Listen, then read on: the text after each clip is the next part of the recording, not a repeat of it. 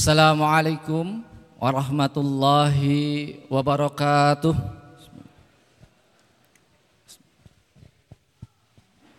Innal hamdalillah nahmaduhu wa nasta'inuhu wa nastaghfiruh wa na'udzu billahi min sururi anfusina wa min sayyiati a'malina may yahdihillahu fala mudhillalah wa may yudlilhu fala hadiyalah Asyhadu an la ilaha illallah wahdahu la syarikalah wa asyhadu anna Muhammadan abduhu wa rasuluhu la nabiyya wa la rasula ba'dah Qala rabbi israh sadri wa yassir amri wa hlul 'uqdatam min lisani yafqahu qawli. Rabbi zidni ilma warzuqni fahma. Allahumma la sahla illa ma ja'altahu sahla wa anta taj'alul hasna idza sita sahla. Allahumma salli ala Muhammad wa ala alihi wa sahbihi wa barik wa sallam. Ikhwanu fidin wa akhwatu fillah rahimani wa rahimakumullah alhamdulillah. Puji dan syukur tidak lupa mari senantiasa kita hadirkan di dalam diri kita atas segala limpahan nikmat dan karunia-Nya kita diberikan oleh Allah kesempatan juga kesehatan juga kemauan hingga diperjumpakan kita di majelis rutin kita di setiap Jumat sore ini. Semoga ini bentuk syukur kita kepada Allah Subhanahu wa taala atas setiap nikmat yang Allah berikan kepada kita. Nikmat yang Allah hadirkan menjadi jalan taat kita kepada Allah wa Rasulullah. Maka mengajak pribadi dan mengajak hadirin semuanya, mari kita senantiasa minimal dengan melafatkan kalimah hamdalah sebagai bentuk syukur kita wabil khusus pada kesempatan sore hari, hari ini. Alhamdulillah hirabbil alamin. Salawat berserta salam semoga terlimpah curahkan kepada kutwah hasanah kita Rasulullah Muhammad sallallahu alaihi wasallam. Salawat berserta salam semoga terlimpah curahkan pula untuk keluarganya, para sahabat-sahabatnya, para tabi'in, tabi'ut tabi'in hingga seluruh umat beliau yang senantiasa menghabiskan harinya untuk ibadah sebagaimana yang dicontohkan oleh beliau, mengikuti setiap sunnah-sunnah beliau di dalam setiap sendi kehidupan dan semoga di antara umat itu adalah kita. Semoga kelak mengantarkan kita mendapatkan syafaatnya di yaumul akhir nanti. Allahumma amin. Ikhwanu wa akhwatu fillah rahimani wa rahimakumullah. Berbahagia bisa berjumpa kembali dengan panjenengan semua di tempat ini. Semoga hadirnya Bapak Ibu semuanya menjadi sebuah wasilah dari Allah akan bertambahnya keberkahan tempat ini, akan bertambahnya kebaikan-kebaikan yang bisa kita sinergikan bersama dalam forum-forum dan program-program yang kita upayakan bersama. Dan semoga ini menjadi ikhtiar kita untuk menjalankan amanah-amanah Allah Ta'ala menjadi jalan sebagaimana yang diperintahkan oleh Allah menjadi jalan ibadah kepada Allah. Semoga di antara hamba-hambanya yang diberikan jalan keselamatan itu adalah nama-nama kita sebagaimana niat memberikan sebuah nama dari Makna subulus salam sendiri adalah jalan keselamatan. Semoga kita senantiasa Allah nikmatkan jalan-jalan keselamatan untuk kita, untuk orang-orang terdekat kita, keluarga kita, sahabat kita, saudara-saudara kita semua. Semoga Allah berikan keselamatan dunia hingga keselamatan yang lebih utama di kehidupan akhirat nanti. Allahumma amin. Bapak Ibu rahimani wa rahimakumullah. Tak lupa mengucapkan Terima kasih atas rawuhnya, atas setiap kontribusinya kepada Yayasan Subulu Salam Nusantara dan Rumah Quran Zabisa. Kami mewakili tuan rumah mengucapkan jazakumullahu khairan katsiran. Barakallahu fi ahlikum wa malikum. Ajarakallahu fi ma'ataitum wa barakallahu fi ma'abaqaitum wa ja'alahu lakum tahuran insyaallah. Pada kesempatan sore hari ini sedikit berbeda dengan kajian-kajian Jumat eh, biasanya karena ini akan eh, talk show gitu ya, akan ada diskusi, akan ada sebuah inspirasi-inspirasi dakwah yang akan kita sama-sama akan lakukan bersama hingga waktu yang biasa kita sepakati menjelang maghrib datang dan alhamdulillah uh, narasumber kita sudah hadir bersama-sama kita di tempat ini. Beliau Mas Nanang Saifurozi bersama seluruh tim Ahlan wasahlan fikuturikum. Selamat datang di tempat kami ini. Semoga rawuh panjenengan beserta rombongan juga akan memberikan dampak yang luar biasa wabil khusus kepada kami dan juga kepada seluruh jamaah yang hadir akan hadir sebuah inspirasi-inspirasi kebaikan lewat lesan dan lewat amaliyah yang sudah beliau buat sekian waktu di kota Yogyakarta yang menginspirasi seluruh Indonesia bahkan bisa merambah kepada seluruh dunia karena hari ini adalah hari di mana kita ada di dunia online yang mana konten dakwah-dakwah kita bisa diakses di penjuru dunia mana pun. Maka kami sebagai tuan rumah mengucapkan jazakumullahu khairan katsiran pula kepada Mas Nanang Saifurozi beserta seluruh rombongan atas rawuhnya dan berkenan untuk berbagi ilmu dan berbagi pengalaman kepada kami di sini. Semoga akan menjadi jariah untuk panjenengan beserta rombongan insya Allah. Ikhwanu Fidin wa akhwatu fillah rahimani wa rahimakumullah.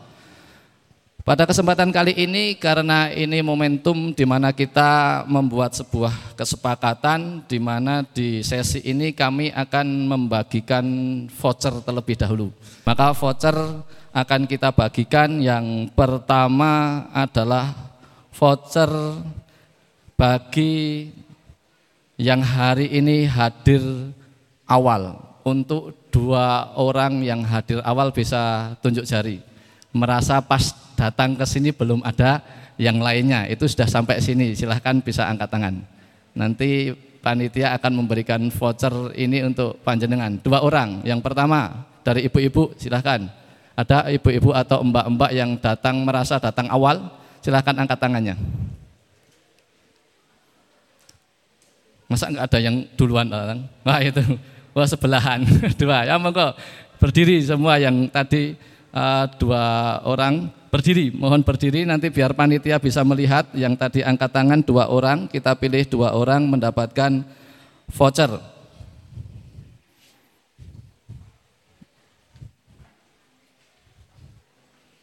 Voucher yang pertama kami berikan kepada dua orang adalah voucher dari apa namanya warung makan sate dan tongseng sabila. Nah ini untuk dua orang silahkan uh, bisa mendapatkan ini. Uh, nanti bisa datang ke apa namanya warung tongseng eh, warung sate dan tongseng sabila. Satu vouchernya berlaku untuk dua orang. Ya berarti ini ada dua voucher berlaku untuk empat orang. Mas silahkan diserahkan kepada ibu yang di tengah situ ada dua orang ibu. Silahkan ada nomornya di situ bisa dihubungi. Lokasinya ada di depan hotel apa sih itu? Aliana ya di depan hotel Aliana ya. Alhamdulillah dua voucher sudah kita berikan. Masih banyak voucher yang lain, insya Allah nanti akan kita bagikan juga tapi kita akan sama-sama menyimak dulu materi dari pembicara kita kepada Mas Nanang Saifurozi bisa uh, menuju panggung acara. Dipersilahkan kepada beliau. Faliyat afadol, masykuran. Ikhwanu Fidin wa ahwatu fillah rahimani wa rahimakumullah.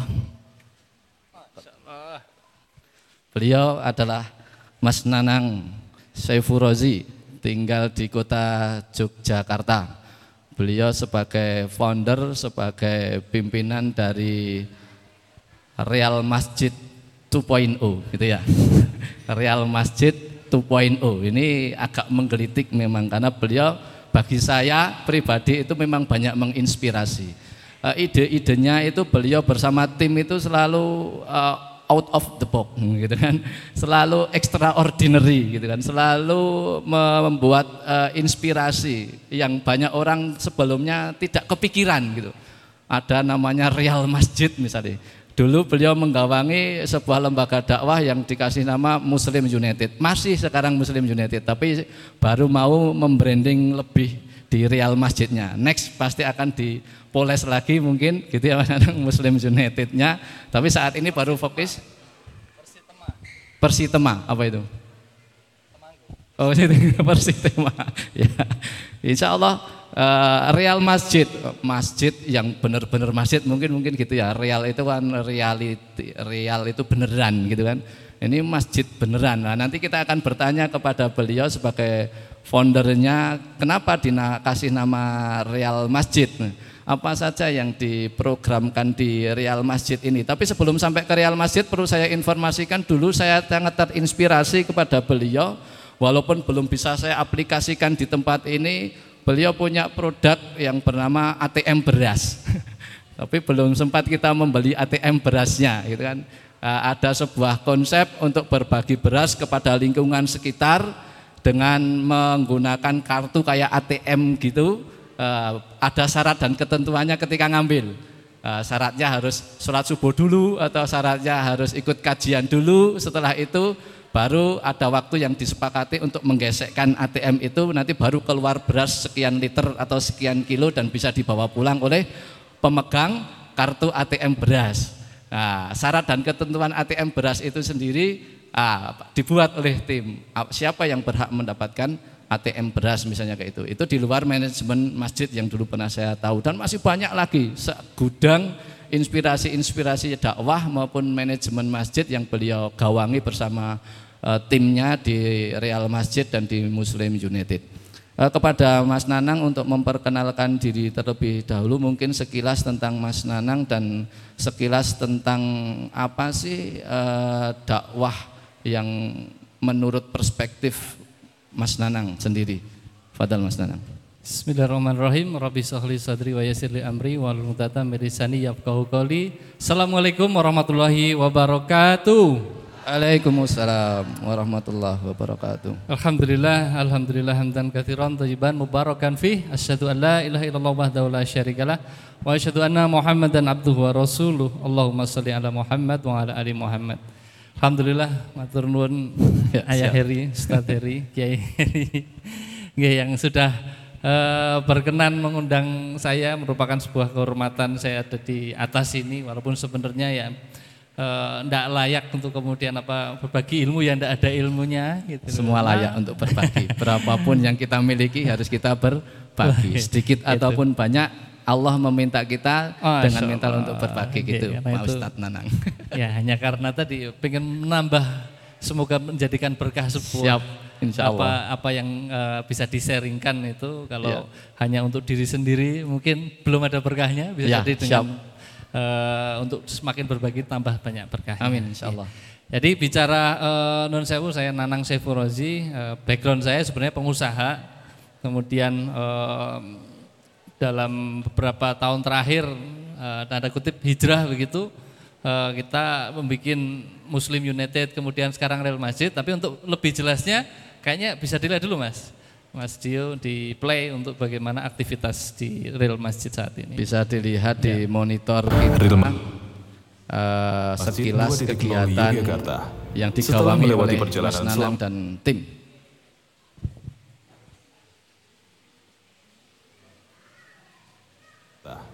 Setelah melewati perjalanan selama satu tahun di 2021, kami, Masjid Muslim United dengan slogan dari Masjid Umat Bangkit, telah tiba saatnya untuk melangkah lebih maju dengan memperkenalkan nama baru dari Masjid Muslim United 1.0 menjadi Real Masjid 2.0. Dengan slogan mesra selalu dan visi yang penuh semangat dan harapan, akan terwujudnya masjid yang berdaya, menginspirasi yang terdepan dalam pelayanan umat, dan mencetak generasi pemimpin peradaban Islam.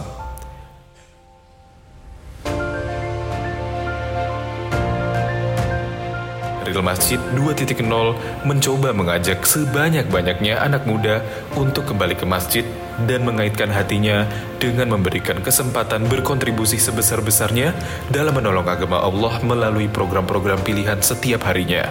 Dan tentu saja dengan semangat meramadankan bulan-bulan selain bulan Ramadan.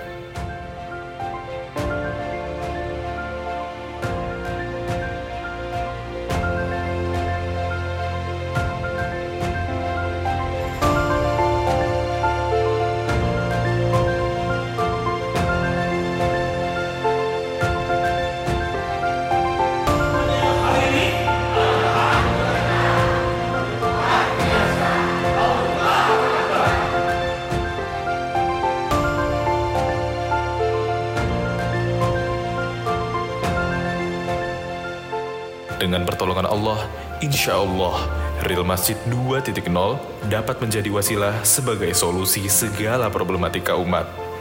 Karena Real Masjid mesra selalu. Ya, kurang lebih ya, itu uh, gambaran singkat gitu ya tentang apa yang kita lakukan di Real Masjid saat ini.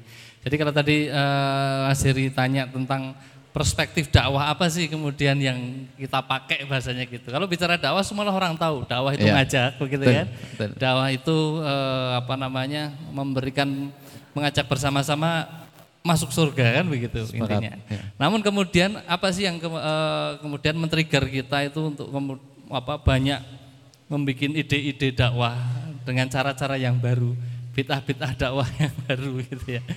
Uh, ini adalah bahwa kami meyakini bahwa manusia itu sebenarnya terbagi dua mas. Yang serius sama tidak serius. Serius sama tidak serius. serius oh, ya. Semua mau jadi pengusaha yang berhasil pasti yang serius. Kan serius, kan, ya. Ya mau jadi guru yang sukses yang serius. Yang serius. Mau jadi santri yang sukses mesti yang serius. Sepakat. Nah ya. dakwah juga seperti itu. Yang sukses berarti pendakwah yang, yang serius. serius. Ya. Nah, makna serius dalam tanda kutip di sini adalah yang kami anut mahadab kami anut gitu ya. adalah bahwasanya serius itu harus peka terhadap zaman. Peka terhadap, zaman. zaman. Ya. Serius dalam perspektif atau sudut pandang peka, peka terhadap, terhadap zaman. zaman. Ya, jadi dakwahkan agama ini sesuai dengan zamanmu gitu ya. ya. sesuai dengan bahasa kaummu seperti ya, itu ya. Kalau kami ngambil bahasanya dalilnya kalau Rasulullah itu ditanya sahabat, satu sahabat bertanya tentang apakah amalan yang terbaik ya Rasul gitu. Nah. Rasulullah bisa beda-beda kan ngomongnya ya. masing-masing orang. Sesuai dengan Berarti siapa kan yang dia bertanya. Peka terhadap ya, siapa objek dakwahnya gitu. Betul, betul. Sometimes berbakti pada orang tua, kadang sholat tepat pada waktunya, hmm, kan gitu hmm. macam-macam Rasulullah sampaikan itu. Ini jadi dalil buat kita bagaimana kita kemudian ngerti saat ini itu kita lagi hidup di zaman apa. apa harus menyampaikan dengan cara bagaimana, bagaimana. gitu. Nah ini yang kami lakukan sehingga e, karena memang fokus kami saat ini adalah keresahan kami bagaimana kita memahami bahwa sekarang zaman fitnah tuh mau cari kebenaran aja susah. Susah. Subhatnya luar biasa. Yang benar bisa jadi salah, yang, yang salah. salah bisa jadi benar dan ini abu-abunya nggak kelihatan lumrahisasi maksiat bahasanya kan gitu. Ya, ya. Orang pacaran sudah biasa kan gitu kan. Lumrahisasi maksiat. lumrahisasi. LGBT orang udah biasa dengan lihat bencong dan sebagainya disupport jadi oh, artis hak kan asasi kan katanya. Hak asasi. gitu ya. Macam-macam lah hal-hal yang kemudian yang sebenarnya dilarang sama agama, agama kita, kita, namun ya. buat masyarakat sekarang, yuk gimana lagi ini udah zamannya. zamannya. Nah, nah ini peka hmm. terhadap zaman bukan berarti toleransi mentolerir tadi. Ya. Artinya kita harus khawatir nih buat bapak-bapak ibu-ibu yang punya apa anak, anak harus khawatir. Betul. Oh ini sekarang zaman fitnah. Ini anak-anak yang di sini terselamatkan dengan fitnah itu karena ada di lingkungan yang benar. Ya. Yang di luar sana bagaimana? Kan nggak ngerti kan gitu. Betul. Betul.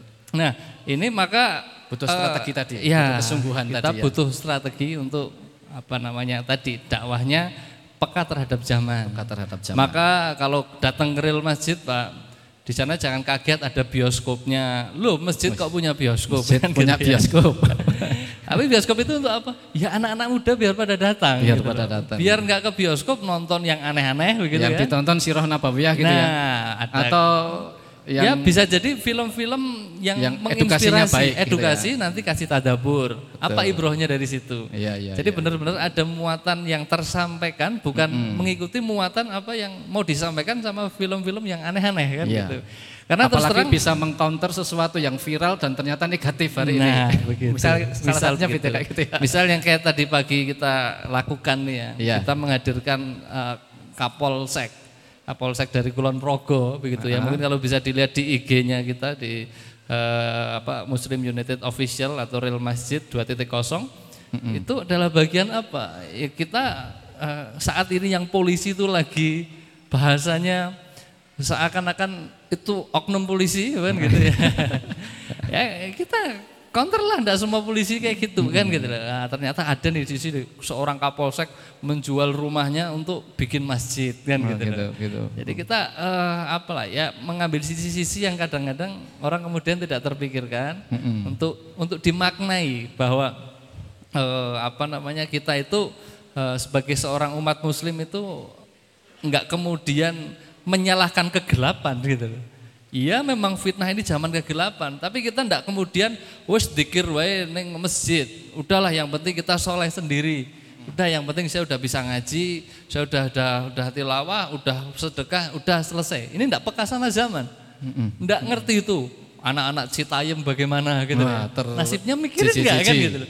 Tercici-cici sekarang tren. Seakan-akan aku udah punya kondisi surga saya sendiri sudah Iya, iya, selesai kan gitu. Padahal lingkungan ternyata kondisinya seperti itu. Iya, padahal kan Rasulullah enggak ngajarin seperti Iya, itu. Mereka Rasul- tetap objek dakwah kita harusnya Iya, gitu ya. Harus jangan kita selamatkan ya. Begitu. Sebagaimana 10 salam menyelamatkan kalau ingin selamat kita selamatkan Iya. termasuk teman-teman yang hari ini mungkin dengan viral adanya fashion show Citayam lah, apalah banyak sekali ya yang di Iya. luar itu viral dan ternyata itu tidak mengedukasi positif sebenarnya lah. Betul. Kita sebagai para pendakwah itu bagaimana mengcounter itu dan mengarahkan kepada yang lebih positif mungkin gitu ya. Betul. Mas Ana. Kalau kita tinggalkan ya semakin ke mana-mana. Coba sekarang sekarang gemburan pemikiran-pemikiran yang lewat TikTok, Instagram, YouTube dan lain-lain channel-channel eh, apa online yang saat ini apa anak-anak muda itu dunianya ya cuman ini Bapak Ibu gitu loh.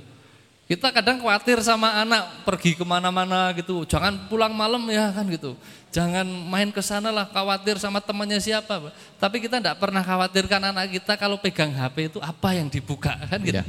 Gitu. Betul. Mungkin anaknya di rumah, Iya. tapi pikirannya ke mana-mana. Ke mana-mana. Nah, Ini berbahaya kalau kita kemudian ini orang-orang tua tidak peka sama zaman tadi. Iya, iya. Jangan-jangan nanti sudah jadi ateis tanpa sadar, jadi murtad Iya. tanpa sadar. Karena terus terang gempuran yang paling berbahaya buat anak-anak muda ini tentang pemikiran anak-anak muda gitu loh. Kita eh, penghancuran anak-anak muda Islam itu mulai dari eh, food, fun, sama fashion. Belum nanti ada S-nya science, eh, seks, terus sport, terus apa lagi? Ah, banyak lah kan gitu. Semua dibikin seolah-olah di packaging agar menjadi kemasan anak-anak muda ini yang dicintai hanya dunia saja. Iya. Seakan-akan hidup itu di dunia itu seribu tahun, bahkan nggak mau mati kan gitu. Padahal Islam kan nggak ngajarin seperti itu. Harus tetap ya yang utama poinnya akhirat, dunia ya porsinya kan begitu. Ya, sepakat. Nah ini jadi saat ini mencari anak-anak muda yang mau berjuang untuk Islam, mau punya giro Islam itu kayak mencari jarum di tengah tumpukan jerami. Susah. Susahnya minta ampun kan gitu. Ya Mas berarti. Nah itu kita hadir pengen itu cari anak-anak muda. Bagaimana biar tetap menjadi menarik buat anak muda. Betul. Karena target kita bisa didukung para anak muda yang masih Ya. mempunyai kreativitas, yang mungkin secara rasio masih eh, apa long term gitu ya, Ya. pemikirannya jauh ke mana-mana dan sebagaimana sehingga apalagi ketika kita bicara tentang dunia kebangkitan dan dunia perubahan itu pasti diawali dan dimotori oleh kalangan muda seperti itu ya. Betul. Nah, maka Mas Nanang ini beliau eh, menggawangi Real Masjid dengan tagline Masjid 2.0 lalu eh, produk-produknya atau program-programnya keren. Salah satunya ingin mengangkat bahwa masjid itu eh, pusat kebangkitan umat. Eh, salah satu program yang ingin dicoba untuk benar-benar framing atau mindset masyarakat itu berubah itu bagaimana marbot atau takmir itu mempunyai gengsi yang tinggi. Makanya beliau bikin program apa mas Marbot Pret atau apa? Ya, uh, real marbot. Real Marbot. Nah, ini piye iki Mas? Ya, jadi anak no- anak muda-muda juga ini Mas. betul anak-anak Oh, gitu muda ya. semua. Kita tidak menerima yang Yang marbot di anak atas muda. 30 tahun tidak ada. Padahal secara umum saya sendiri melihat, eh, Ya. saya sendiri menjadi bagian dari takmir masjid hari Ya. ini. Ya, saya ini termuda. Marbot atau takmir masjidnya Ya. rata-rata pensiunan, gitu, ya, incumbentnya. Ya. ya biasanya eh, apa namanya, memang paradigma yang akan terjadi ya paradigma sesuai dengan usianya, Ya, seperti itu kan. Sementara panjenengan membuat gerakan Marbot Pret atau Real Marbot ini semuanya anak muda. Ya. Ini gimana Mas maksud dan tujuan Ya. dari Real Marbot itu? Ya, kita berdasarkan eh, analisa bahwa ya bukan analisa, ini logika saja sebenarnya kita main logika. Bagaimana anak-anak muda ini kalau misalnya dapat pekerjaan mau jaga rumahnya jenderal, jaga ya, brigadir J misalnya gitu ya.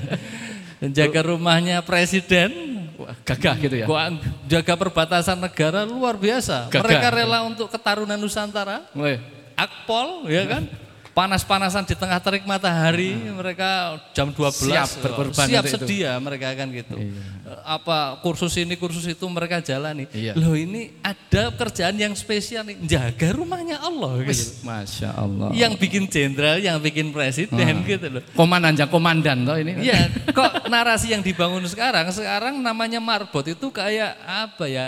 Itu karena nggak ada pilihan atau mungkin sudah tua nunggu masa sisa mau umur mau selesai ya tak jadi marbot, jadi takmir.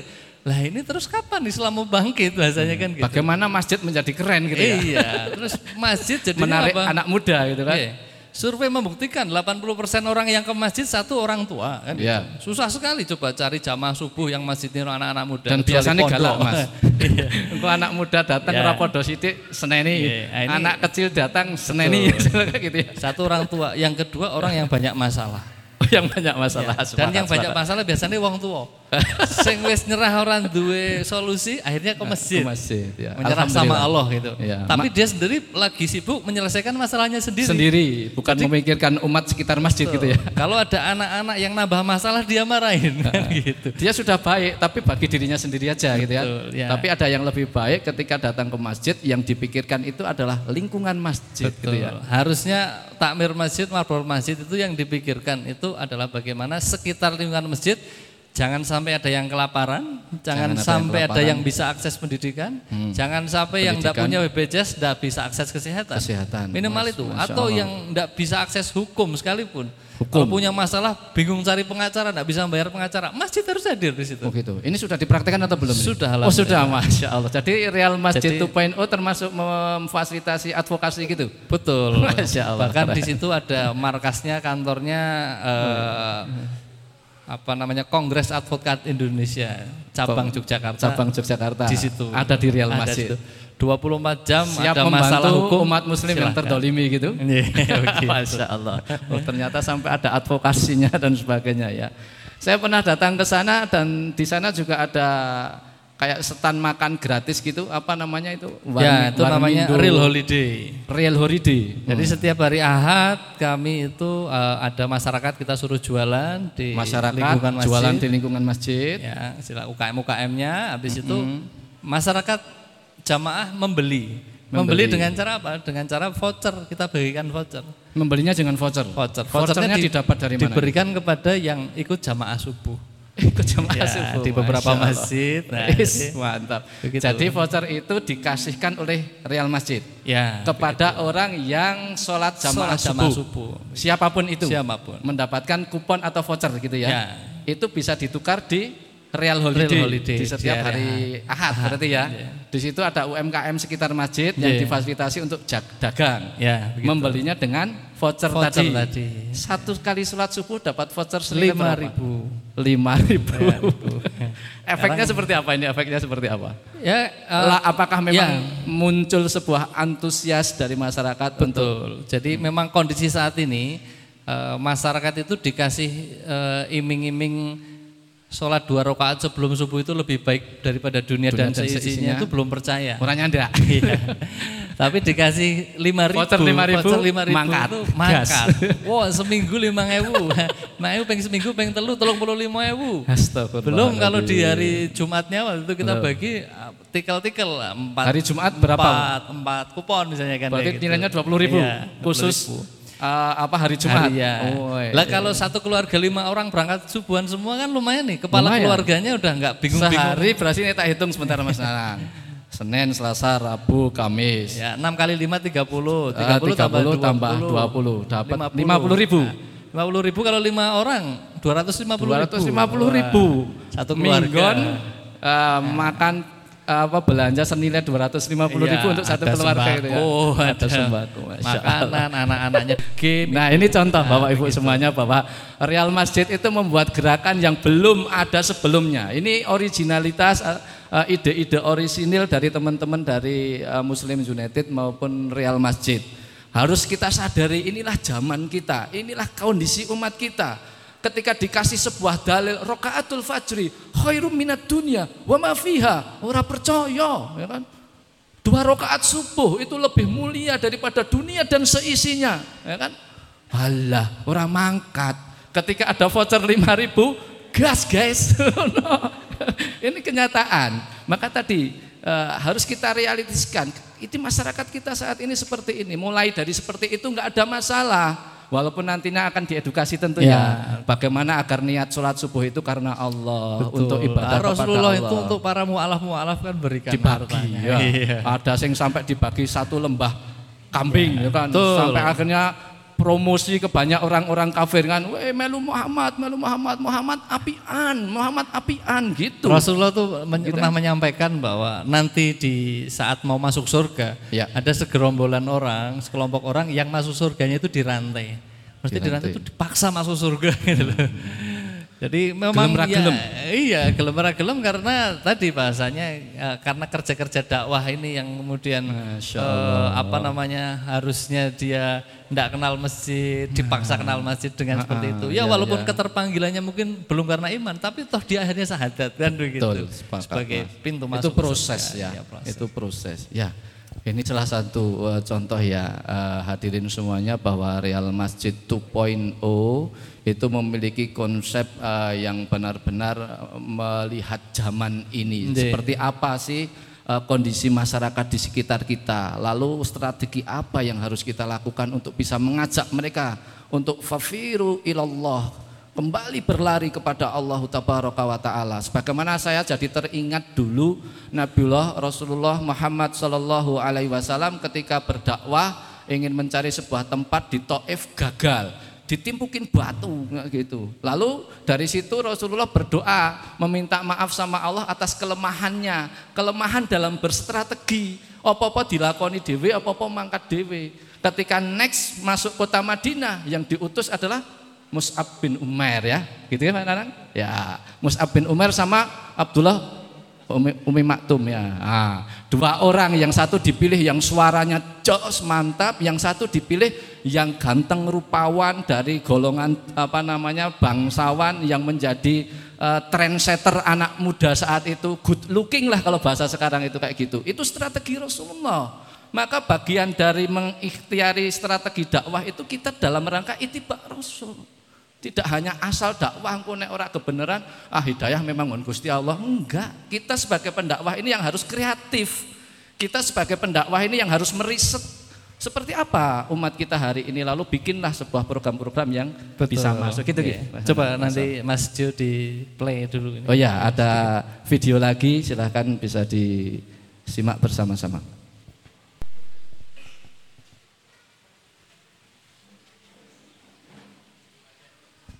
Belum. ya, eh, jadi eh, tadi bahasa kenapa oh kemudian ring-ring dakwah yang kita garap itu anak-anak muda karena ya tadi mencari anak muda yang kemudian hatinya tergerak di masjid susah. Susah, ya. Kalau orang tua tadi biasanya sinyal-sinyal itu yang diberikan kesadaran. Allah ya wes nek orang yang masjid cukup kebangetan kan Iya. rasanya kan gitu. Betul. Jadi anak-anak muda ini spesial di mata Allah Betul, sepakat. karena eh, apa namanya beban Uh, Sampai nanti anak muda kok hatinya tertambat ke masjid, masya Allah. Oh itu ya. luar biasa. Allah Karena kalau bicara masjid, masjid itu paling tidak ada tiga keutamaan buat kita. Yang pertama masjid itu adalah tanah kerinduan tanah kerinduan. Orang yang memakmurkan masjid, hatinya terpaut di masjid, berarti artinya dia rindu dengan Allah dan Rasulnya. Allah Pengen ketemu Allah dan Rasulnya. Karena Masya itu rumahnya Allah, Allah kan gitu. Allah. Minta doa di tempat yang terbaik kan gitu. Allah hmm. juga kan pasti akan menurunkan pertolongan yang terbaik ya di tempat yang terbaik. Dan itu tidak ada tempat lain kecuali masjid, masjid. yang Allah berkahi. Satu-satunya tempat paling aman di dunia hanya masjid. Masjid. Kan, gitu.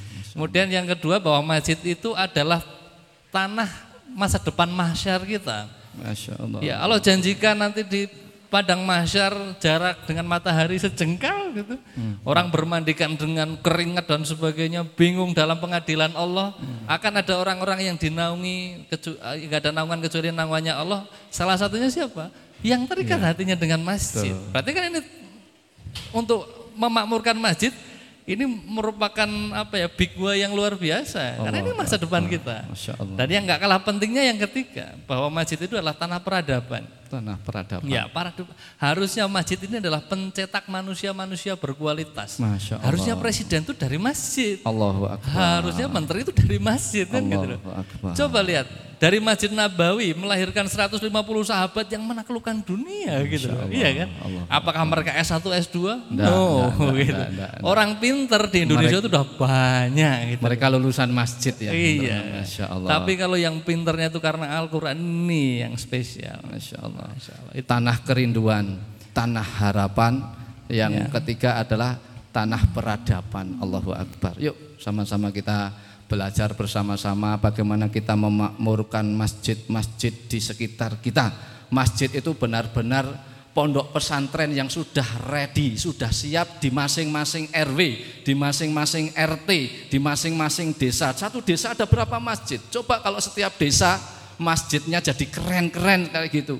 Pemudanya jadi tertambat ke masjid, anak-anak kecil menjadi asik bermain di masjid karena ada real holiday, ada pasar raya iya. Jumat gitu-gitu ya, macam, ada bioskop, yeah. oh, masya Allah, bahkan ada Warmindo gratis Warmindo itu ya? gratis, Wah. 24 jam. 24 nah, lihat jam. Videonya udah siap kayaknya. Mas Oke. Okay. Bisa disaksikan di video. Termasuk makan gratis itu di masjid. Jadi mengupayakan nggak ada masyarakat di sekitar masjid yang kelaparan seperti itu.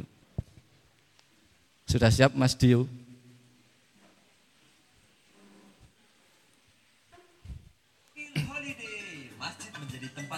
Ini sama keluarga. Ada kolam renang gratis.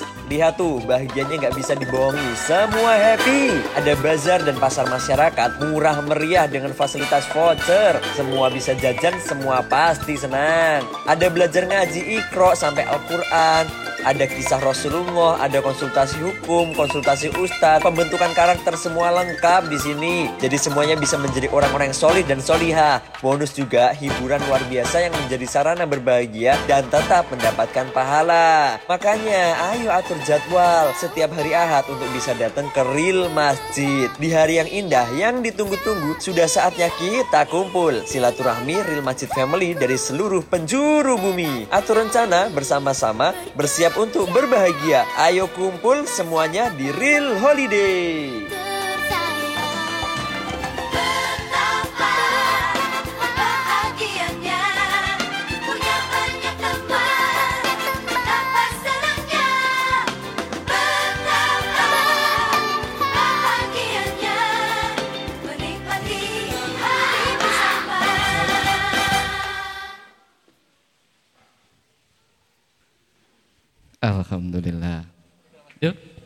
Udah ya.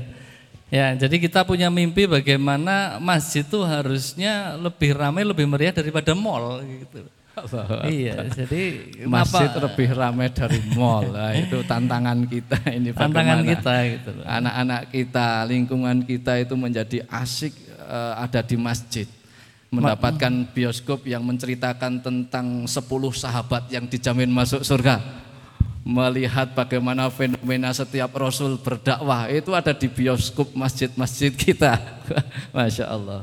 Ada saudara-saudara kita yang tidak bisa makan datangnya ke masjid, mendapatkan beras di masjid dan seterusnya. Tapi pasti tentu akan ada tahapan-tahapan edukasinya untuk tidak meninabobokan masyarakat, tapi menjadikan masyarakat itu berdaya dan berkarya lewat inspirasi-inspirasi dari para uh, apa marbot yang menggawangi masjid itu sendiri. Begitu nggih Mas Ana. Jadi uh, riset kami memberikan gambarannya bahwa uh, saat ini dakwah kita, dakwah kita baik maupun ya masjid maupun yang di entitas dakwah lain dan sebagainya itu paling tidak uh, bahasa kami itu darurat.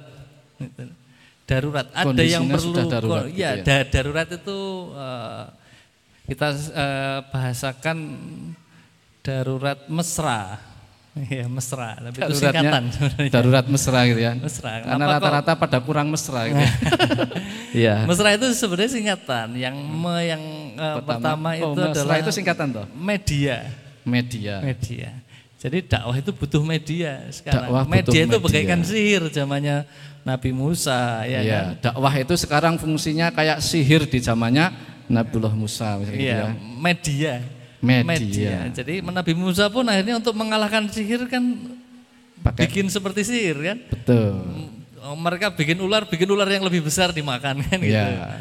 Zamannya Rasulullah yang hit waktu itu yang menyihir uh, kafir Quraisy apa? Syair kan? Syair. Turunlah Al-Qur'an. Turunlah Al-Qur'an. Oh, Al-Qur'an itu jawaban. Syair, jawaban gitu uh, ya. Kehebatan Kalah syair. Kabeh, kan gitu. Enggak ada syair yang seindah Al-Qur'an gitu ya. Dan sekarang Masya fitnahnya Allah. apa? Ya fitnah informasi, media kan gitu iya, ya. Semua terbius kan gini. Betul, Jadi betul, kalau dakwah betul. kemudian tidak masuk ke ranah media tadi, ya tidak ke mana-mana. Iya, iya, iya. Mau ngumpulin sekarang anak-anak muda disuruh tulis, oh hari ini pengajian ini. Mm -hmm. Muda, semangat Nah, ora teko prakteke ya kan. Ya mereka ndak doyan suara ning doyane sego ya kan gitu.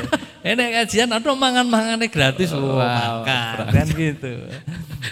Terus uh, ya apalagi uslubnya uh, atau cara-caranya yang ndak bikin anak muda yang belum uh, punya panggilan iman tadi ndak merasa diasingkan. Ya kan? Hmm, ya, ya, wah, ya, yang ya. masih celananya masih bolong-bolongnya diterima lah kan gitu. Ah, ya. ah.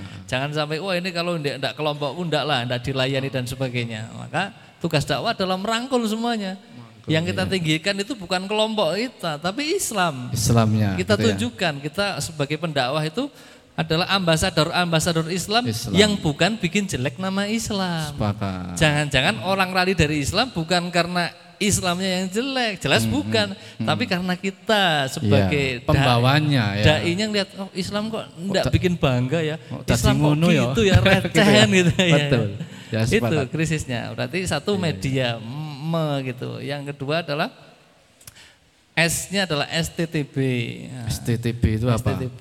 STTB itu penggiat dakwahnya itu harusnya menegakkan subuhnya. Subuh. Ya Sedu, eh, subuh, mm -hmm. T-nya tahajud. Tahajud. Nah, T yang, T yang kedua, kedua adalah tilawah. Tilawah. S, Terakhir B, B, berjamaah. Wih, keren. S yang setelah mes, nah itu tadi menya media, S-nya itu STTB, ya. subuh, terus tahajud, tahajud tilawah, tilawah berjamaah terus iya. berjamaah. Coba anak-anak mudanya itu penggiat-penggiatnya dakwahnya tahajudnya rajin nah, ya, sepakat, sepakat. subuhnya di masjid rajin, Keren, ya berjamaah kan mesti di masjid. Iyalah. Gitu. Tilawah rame-rame nah, satu juz lima juz itu dilakukan dengan bareng-bareng. Nah. Iya di masjid kan kita minta tilawah, pertolongan di tempat yang Habis tilawah masuk warmindo. gitu ya. Iya eh, itu terus uh, itu adalah bensinnya bensinnya, bahan bensinnya untuk ya. menggerakkan penggiat dakwah inilah anak-anak ya. mudanya ya. Allah. Terus uh, mesra R-nya itu ya mesti radikal. Mesti radikal, radikal. gitu. Nah, ini radikal itu harus out of the box. Harus out of the, out box, of the box. Kan? Kalau nah, kita ya tadi peka zaman tadi. Uh, tapi bukan hanya karena beda mencari sensasi, tapi karena peka ya, zaman gitu bukan ya. Bukan radikal sing aneh-aneh, nah, tapi ramah gitu. terdidik dan berakal. radikal, ramah terdidik dan berakal. berakal Wah itu keren. Ya.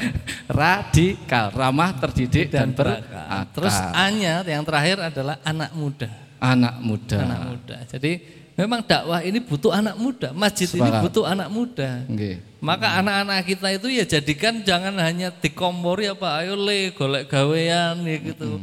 Oh seakan-akan apa golek gawean ning aja lali salat gitu. Salat itu ya setelah gawean bahasanya Ya. kan gitu. Jadi kita harus menanamkan tauhid yang benar-benar bulat tuh sama anak-anak kita. Kudune aja Iya. kualik kudune ya Mas. Ya harusnya Salat kita ning aja lali mbut gawe gitu ya. Jadi apa pun masalah dan mudarat itu pasti datangnya dari Allah. Ya, sepakat. Kita kalau mau melewati sebuah jalan, jalan itu banyak anjingnya, itu kira-kira apa yang kita lakukan? Jalan terus, mundur atau bagaimana? Kan banyak orang bablas terus, Bablas, cakot sama capek. anjing. Ya, Atau dia akhirnya cari jalan lain. tadi jalan lain. Akhirnya kesuwen ratakan-takan gone, bisa jadi kesasar jalannya. Atau cara, lari. cara paling gampang kan sebenarnya, anjing itu kan punya pemilik. Heeh. Datangin pemiliknya Pak, tolong disingkirkan anjingnya lewat kan gitu. Oh, gitu. Loh logikanya. masalah, ujian apa pun itu siapa yang punya? Allah. Allah. kan gitu. Oh. Berarti tugas kita apa? Ya minta sama Allah kan gitu. Iya, iya, iya, iya, Itu paradigma harusnya orang beriman yang bulat itu meyakini masalah dan mudarat datangnya hanya dari Allah. Dari Allah. Kita apa yang perlu dikhawatirkan? Rezeki sudah dijamin kan gitu ya. Iya, Ikhtiar harus, tawakal harus, doa harus kan gitu.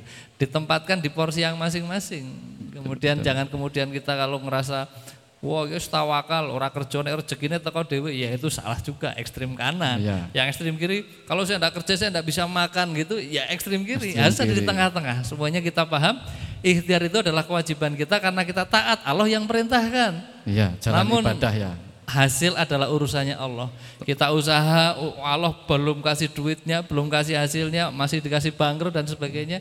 Itu takdir Allah harus kita. Iya, iya, iya. Kalau nggak enak ya disabari, kalau enak ya disyukuri kan gitu aja Iya, tugasnya. keren. Gitu. Jadi eh, apa namanya kami hanya eh, kalau dibilang apa program-program kehebatan kami jelas bukan.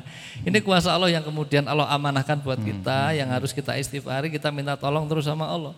Iya. Karena ya tadi kita itu hanya sebagai seorang pekerjanya Allah saja. Bekerja sama Allah untuk apa? Jual beli transaksi ketaatan kita untuk intan surullah yang surku menolong agamanya Allah biar Allah tolong kita. Betul. Iya, kalau kita sibuknya adalah ngurusin urusan kita sendiri, problematika diri kita sendiri sampai mati nggak pernah selesai kan begitu? Iya, iya, iya, iya. Justru orang yang ngurus dakwah, orang yang ngurus masjid ini adalah harusnya yang paling pertama orang-orang yang paling banyak masalahnya.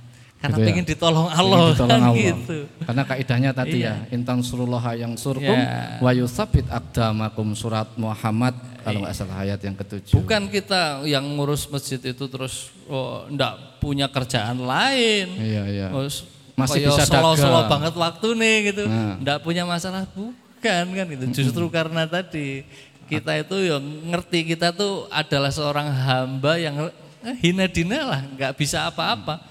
Solusi bukan punya kita, Allah yang punya solusi. Masya Maka Allah.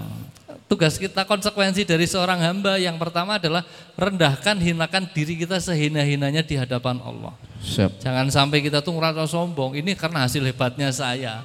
Ini karena kerja keras saya lima tahunan dan sebagainya. Kalau nggak ada saya gimana? Aduh, ini payah ini kan gitu.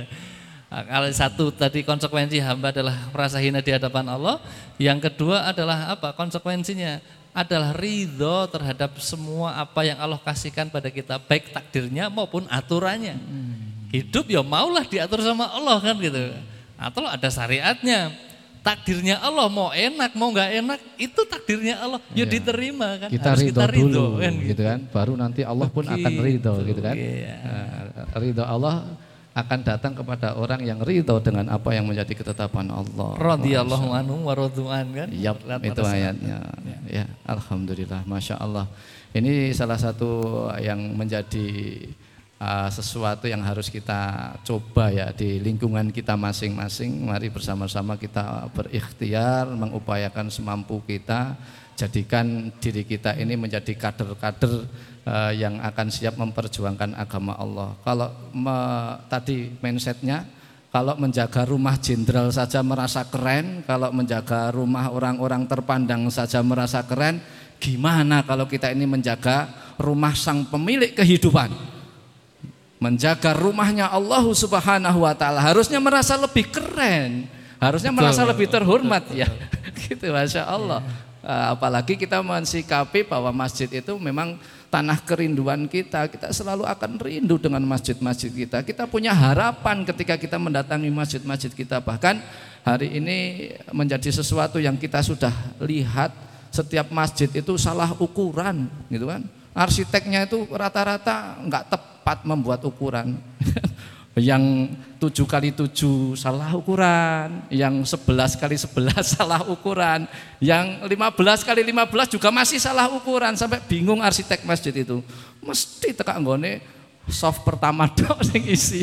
Ah, kadang-kadang malah sampai ada seorang imam ya kan sekaligus menjadi muadzin sekaligus salam dewe tadi makmum dewe. Imam mewakili makmum mewakili muadzin borongan ada yang masjid sampai kayak gitu. Ini realita di tengah masyarakat kita.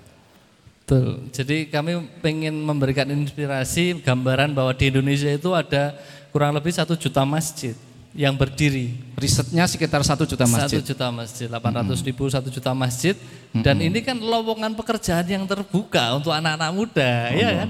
Kenapa berlomba-lomba cari PNS dan sebagainya? Itu gajinya bisa dihitung kan gitu. Nah. Lo kerja sama lo ini layah tasib lo gajinya. Nah. Ora ya, disongko-songko dan bikoiri hisap tidak terbatas, Betul. unlimited gitu ya. Dan gaji terbesarnya adalah ampunannya Allah, surganya Allah, Allah. itu lebih dari segalanya. Iya. Kerja dan gaji terbesar itu ampunan Allah atau rahmatnya Allah. Kita sepakat banyak mufasir mensifati uh, rahmat itu adalah maghfirah. Rahmat itu adalah ampunannya Allah Subhanahu wa taala. Orang manusia yang hidup kok sampai diampuni sama Allah maka kelar hidup lu. Rampung masalahmu. Kalau sampai Allah memberikan ampunan, sampai kita nanti akan mati, sudah mati bahkan yang akan bisa menjadi penyelamat kita apa? Ampunannya Allah, rahmatnya Allah. Wabil khusus maknanya maghfirahnya Allah Subhanahu wa taala. Gitu Ki. Begitu. Iya. Jadi hidup ini memang harus capek. Jadi gitu kalau ya? nggak mau capek itu jangan hidup.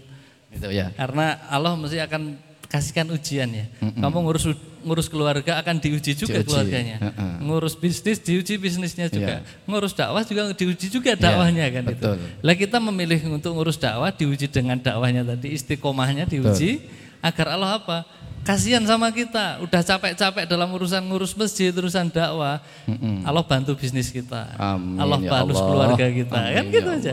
Kan ya. kita nggak bisa apa-apa kok kan gitu. Kita mau mengubah apa sih? Sepakat, kita sepakat, mampu sepakat. apa gitu loh. Artinya Ya, ini mindsetnya sahabat ya. semuanya. Bermaksiat itu kita capek. Taat pun bisa jadi kita juga capek hanya pilihan. Ini pilihan hidup. Mau taat juga capek, tapi harapannya jelas. Mau maksiat juga capek, tapi nggak tahu orang yang bermaksiat ini harapannya apa.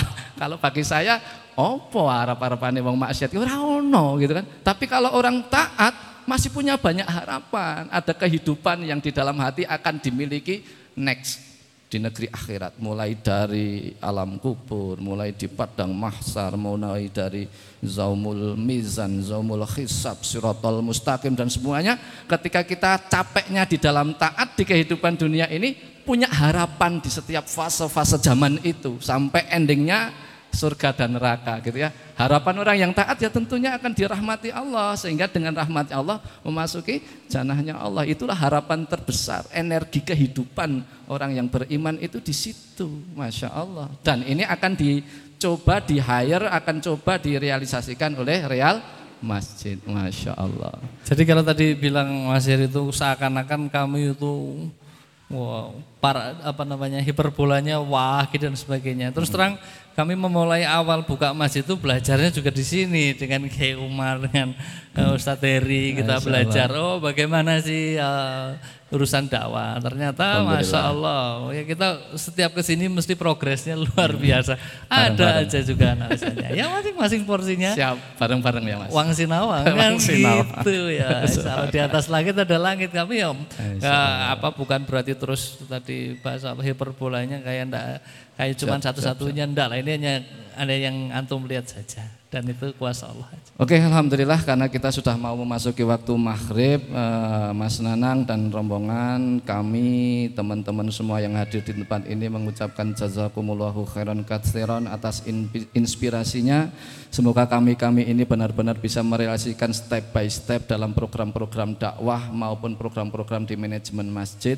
Semoga akan datang real masjid di banyak kota, di banyak desa insya Allah menjadi apa namanya para uh, apa namanya bangkitnya peradaban uh, di tengah-tengah masyarakat untuk menjadi lebih baik lagi menjadi yang baldatun thayyibatun warabun ghafur insyaallah. Uh, kita berada di penghujung acara akan saya bagikan dulu vouchernya. Afwan ini Mas Nanang kita harus membagikan voucher untuk teman-teman semuanya yang hadir di tempat ini. Voucher ini dimiliki setiap kali datang ke kajian akan mendapatkan satu voucher seperti ini.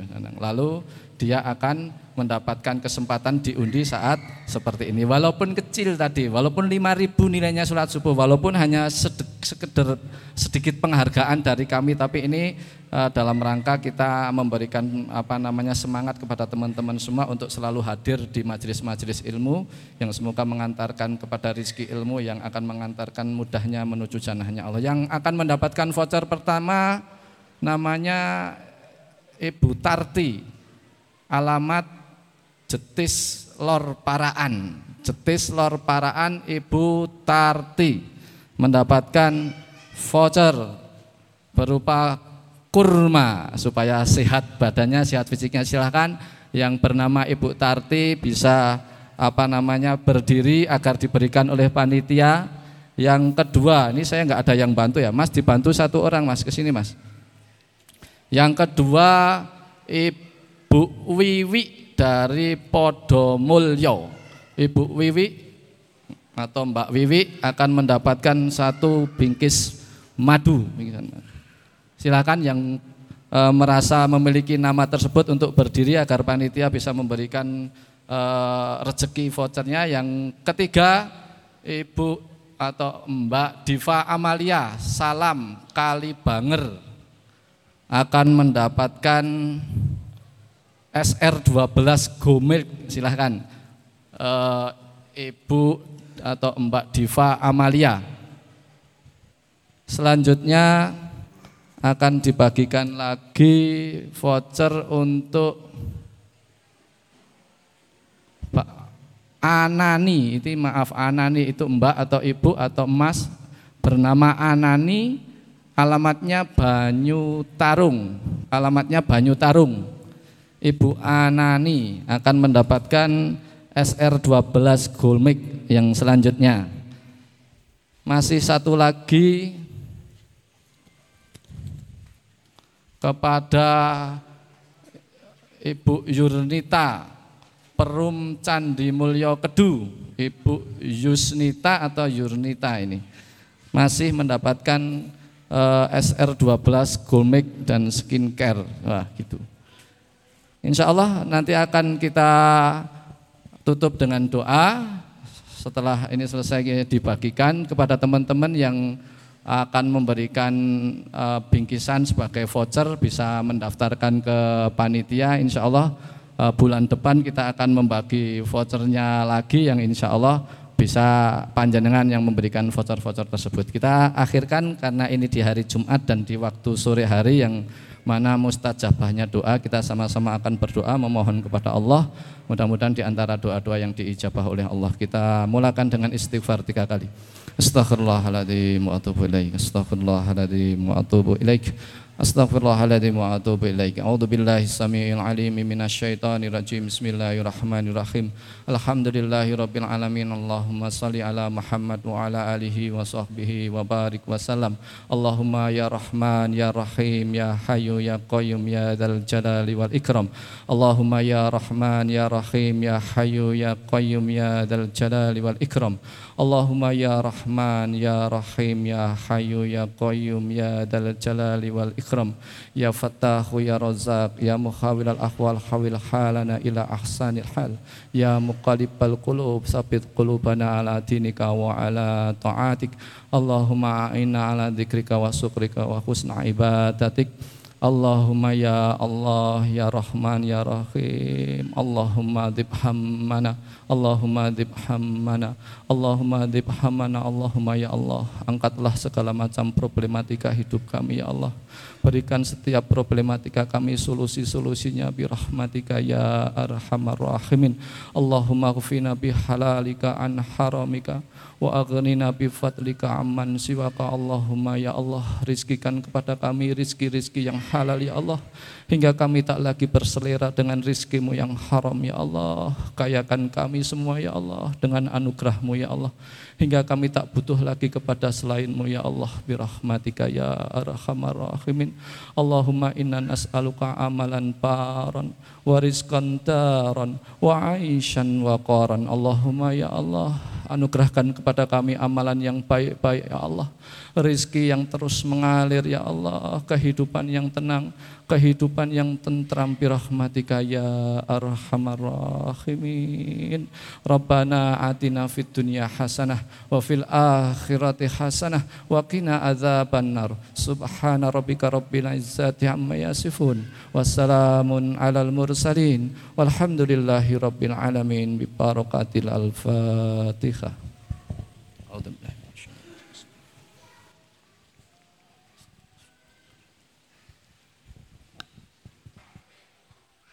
Alhamdulillahirabbil alamin. Mudah-mudahan bermanfaat apa yang menjadi eh, informasi-informasi dari kami tadi berbagi kami. Mohon maaf tidak ada sesi tanya jawab karena waktunya cukup terbatas. Kebetulan beliau tadi mendapatkan halangan ada apa namanya perjalanan dari Semarang menuju ke Temanggung karena pagi ke Semarang dulu dan jalannya padat merayap sehingga kita tidak punya sesi tanya jawab. Nggak ada masalah. Semoga bermanfaat. Akhirul kalam. Afu minkum billahi taufik wal hidayah. Wassalamualaikum warahmatullahi wabarakatuh. Sugeng kundur fi amanillah